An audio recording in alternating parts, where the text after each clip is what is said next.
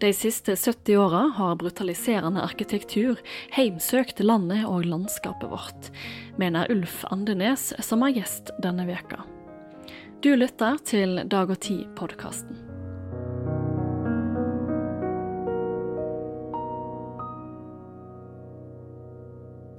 Velkommen, Ulf Andenes. Du er utdanna historiker og har vært journalist i Aftenposten. Og du har òg jobba i Bonytt. Og nå skriver du en serie i Dag og Tid om arkitektur på villspor. Og i dag så skal vi snakke om den første delen i serien, 'Respekt for landskapet'. Og etter å ha lest artikkelen din, så sitter jeg igjen med at du er veldig engasjert i spørsmålet om arkitektur. Um, og du nevner jo sjøl året 1972, da du havna i en heftig debatt om hva som er miljøvennlig arkitektur. Uh, og dette var, sånn som du skriver, etter at Studentersamfunnet i en resolusjon hadde kritisert det nybygde studenthuset Chateau Neuf i Oslo. Og var det da ditt engasjement for eh, arkitekturpolitikk starta? Det var i hvert fall første gang jeg skrev om det i avisa. Men jeg hadde jo vært opptatt av dette her bestandig, egentlig. Eh, men eh, akkurat på den tida der, så det var et veldig provoserende bygg på den tida, eh, Chateau Neuf, og jeg, og jeg hentet fram bildet av dette nye, store søppelforbrenningsanlegget i Ballerup i København, som lignet altså Chateau Neuf lignet det på en prikk. Så det var en annen måte å bygge studenthus på, kan man mm. si.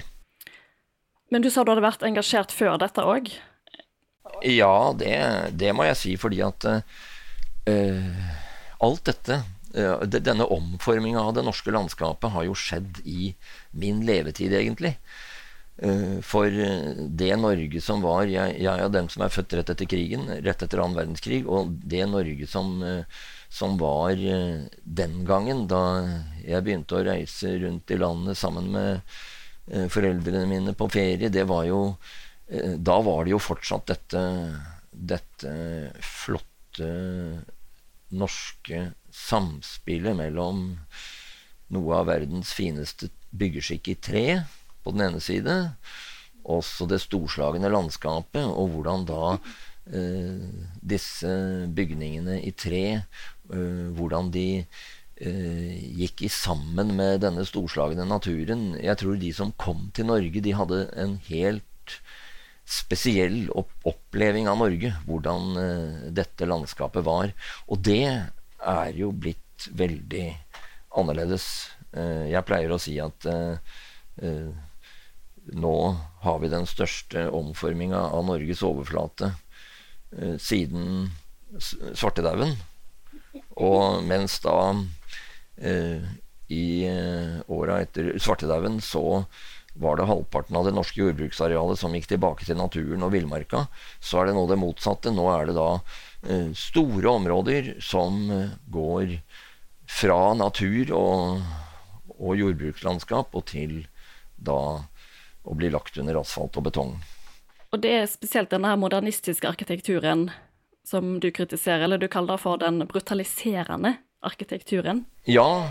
Og Fordi ja. Eh, når det er så store områder som da eh, tas av, av naturen og landskapet eh, det er jo blitt nærmest sånn at, eh, at, vi forsyner oss med naturen og landskapet som om det var en konsumartikkel. Eh, til bruk. Eh, og det var akkurat nå, så jeg i NRK, så hadde de intervjuet folk fra Verdens eh, naturfond, som da påpeker at det står her Rundt om i landet er det planlagt store prosjekter som til sammen skal bygge ned natur tilsvarende Vestfold fylke. Og når du tenker på i sum Det tas hele tiden, enten det er veier, motorveier, anlegg, næringsparker, Eh, byggefelter, eh, industri eh, Alt mulig. De mange små skritt til sammen er det veldig, veldig mye. Og da har jo jeg det synspunkt at da må vi begynne der vi må bygge.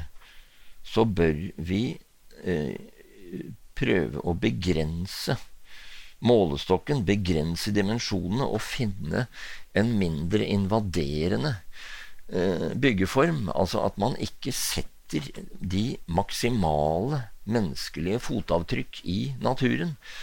Eh, vi må begynne å spille litt mer på lag med det som er igjen av landskapet, det som er igjen av naturen. Materialbruk. Da er jo I disse modernistiske byggene så er jo betong, f.eks., har jeg lagt merke til, veldig populært å bruke. Men da er jo ikke et uh, miljøvennlig uh, produkt. Nei, det, det, har det vært snakket altfor lite om. fordi at uh, det viser seg jo i vitenskapelige undersøkelser at, at framstilling av, sement og betong, da, sement som bestanddel i, i betong, framstilling av dette, det er jo den største miljøverstingen bortimot av alle. Uh, en større miljøversting enn luftfarten, uh, påpeker de vitenskapsmennene som har greie på dette her. Og det Det er vel i dag to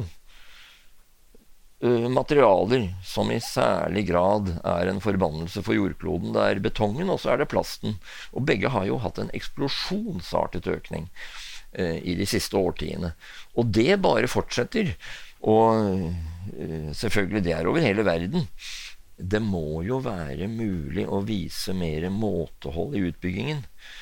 Og det går jo på denne eh, brutale arkitekturen, for der har det jo vært både å bruke disse materialene som er veldig naturfremmede, og dessuten eh, en form som er veldig naturfremmed. Fordi at de Når du ser disse svære, rette, nakne formene, det er jo typer former som ikke finnes i naturen, og heller ikke i menneskekroppen. Der Eh, det er da enklere med den mer tradisjonelle arkitekturen, som har, en, som har mer varierte former, og, og, da på en måte gjentar den vrimmelen av former som finnes i naturen. Ja, for den brutale arkitekturen, for de av lytterne som ikke er så godt kjent med eh, arkitektur, er det en form for modernistisk arkitektur? Det er jo her, altså Det begynte med funksjonalismen i mellomkrigstida. Og da var det jo da var jo fortsatt arkitektene De, de var jo da utdanna i de, eh, i, i de klassiske formene med klassiske proporsjoner og sånn. Sånn at den opprinnelige funksjonalismen, eh, og særlig en eh, avart av funksjonalisten som ble kalt for Bauhaus, det var jo eh, veldig harmoniske, balanserte former og hans store gudfaren Corbusier, eh, som han het, han brukte jo selv det gylne snitt og disse eh, klassiske proporsjonene, i hvert fall i starten.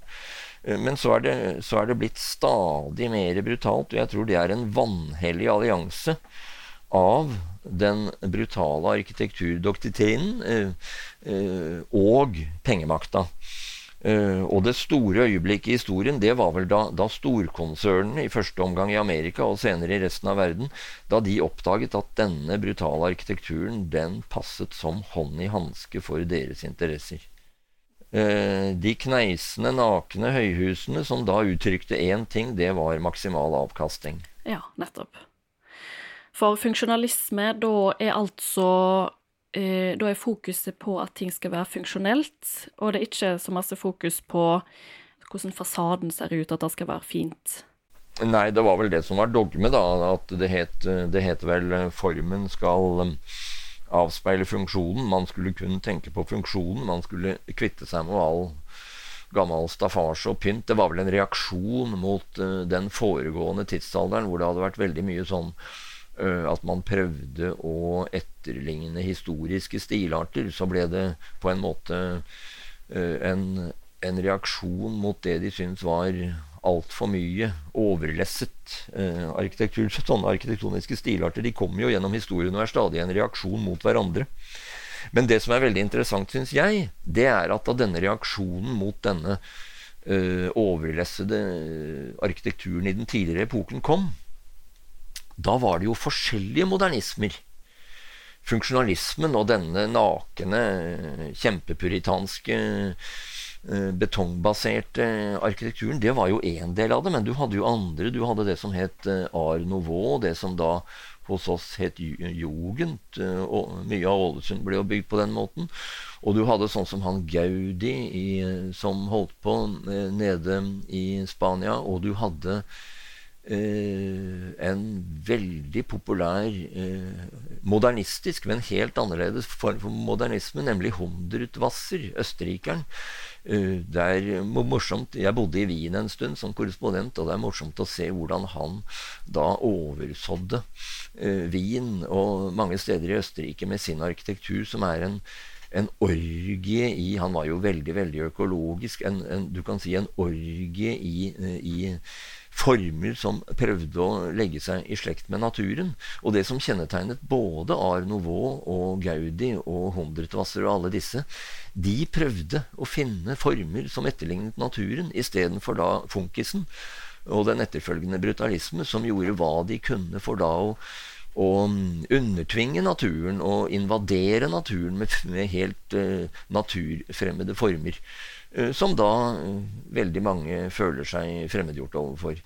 Eh, og forklaringen er jo helt åpenbart, fordi at det var brutalismen som lot seg best forene med pengemakta. Disse andre modernismene som da i grunnen har bukket under i forhold til brutalismen, de lot seg ikke Det lå ikke samme fortjeneste i dem, samme profitt og avkastning.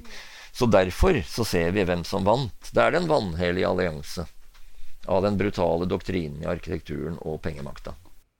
Har du noen konkrete dømmer på sånn brutal arkitektur, f.eks. i Oslo eller andre deler av landet? Manhattan var jo selvfølgelig eh, selve uh, det store stedet, valfartsstedet. Der, og der måtte de jo bygge skyskrapere fordi at det var så begrenset landareale, og det var så uhorvelige kapitalmengder. Sånn, sånn at det utviklet seg der fra førsten av.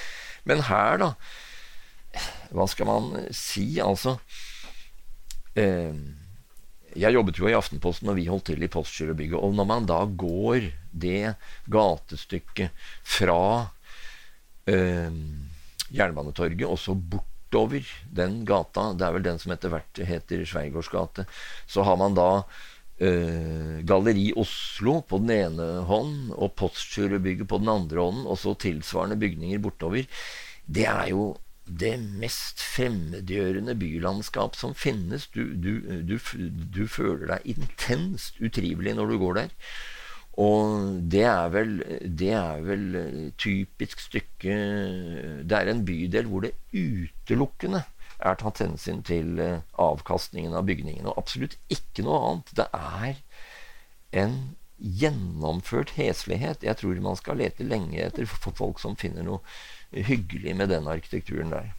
Men du nevner jo to unntak i artikkelen din, eh, modernistiske bygg som, som har fungert fint. Eh, Operabygget i Oslo og Ishavskatedralen. Det har, hvert, det har, i hvert fall vært, eh, når jeg ser på det som en observatør, så har i hvert fall de bygningene de har, de har lykkes i den forstand at de har, har, vært, i motsetning til de fleste andre modernistiske bygninger, så har de, så er de blitt elsket av folk. Så det tyder på at de har, eh, at de har eh, funnet fram til noe.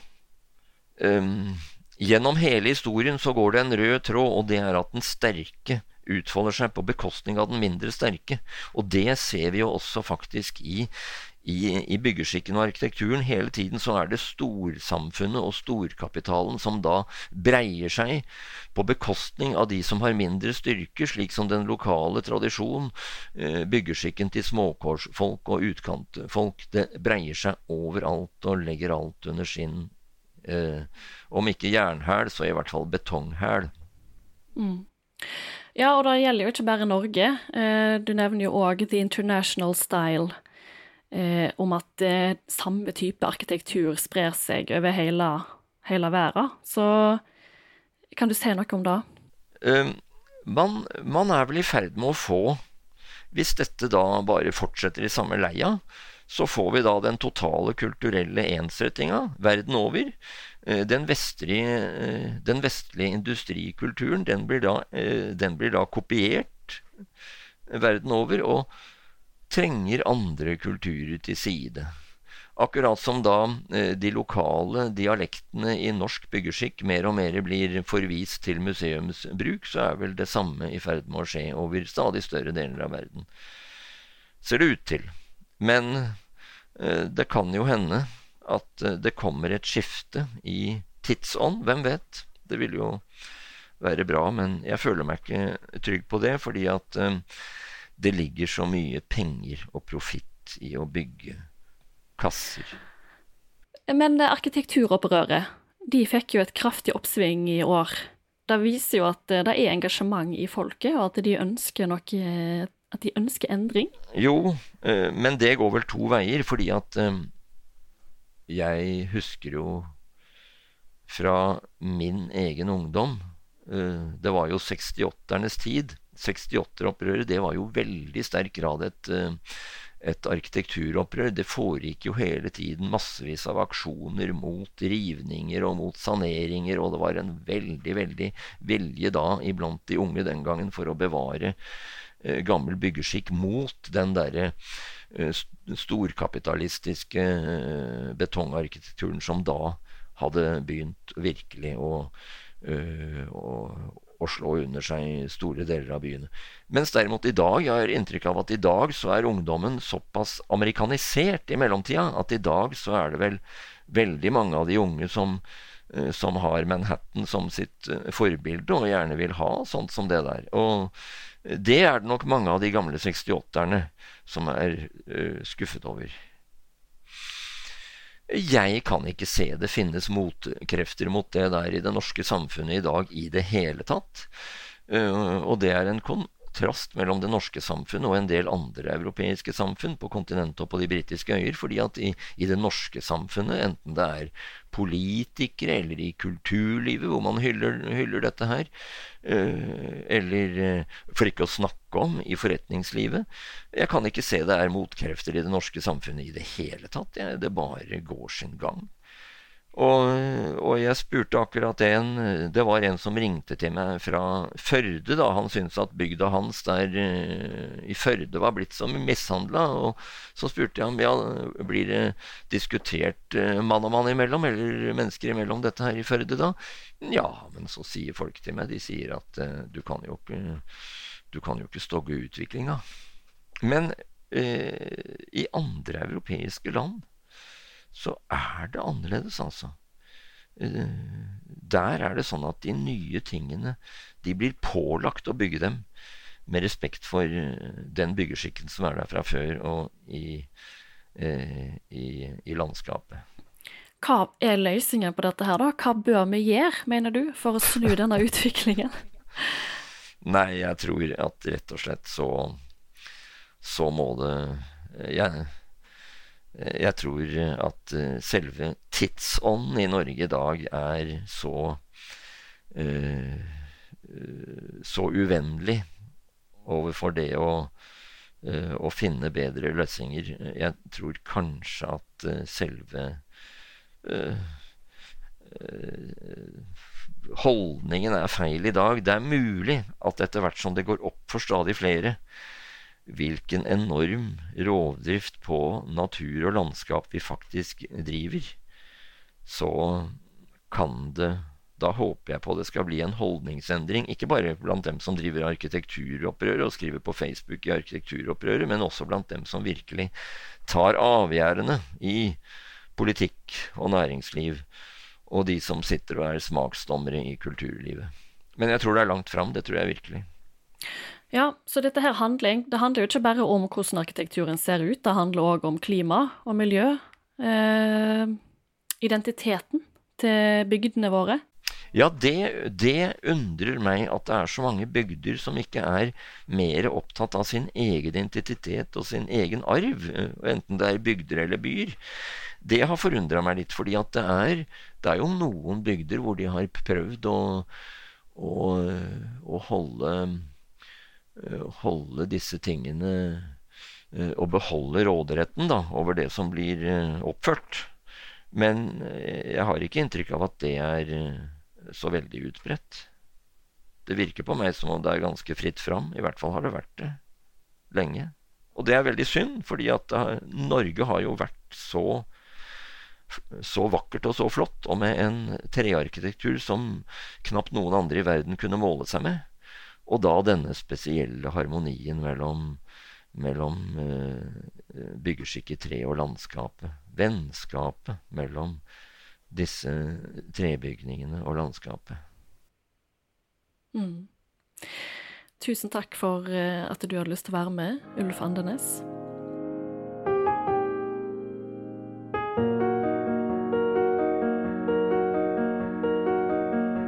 Du lytter til Dag og Tid-podkasten. I studio var jeg, Sofie Mai Rånes. Har du tilbakemeldinger på podkasten vår? Send gjerne en e-post til sofie1dagogti.no. Vi er tilbake neste uke. Takk for at du lytta.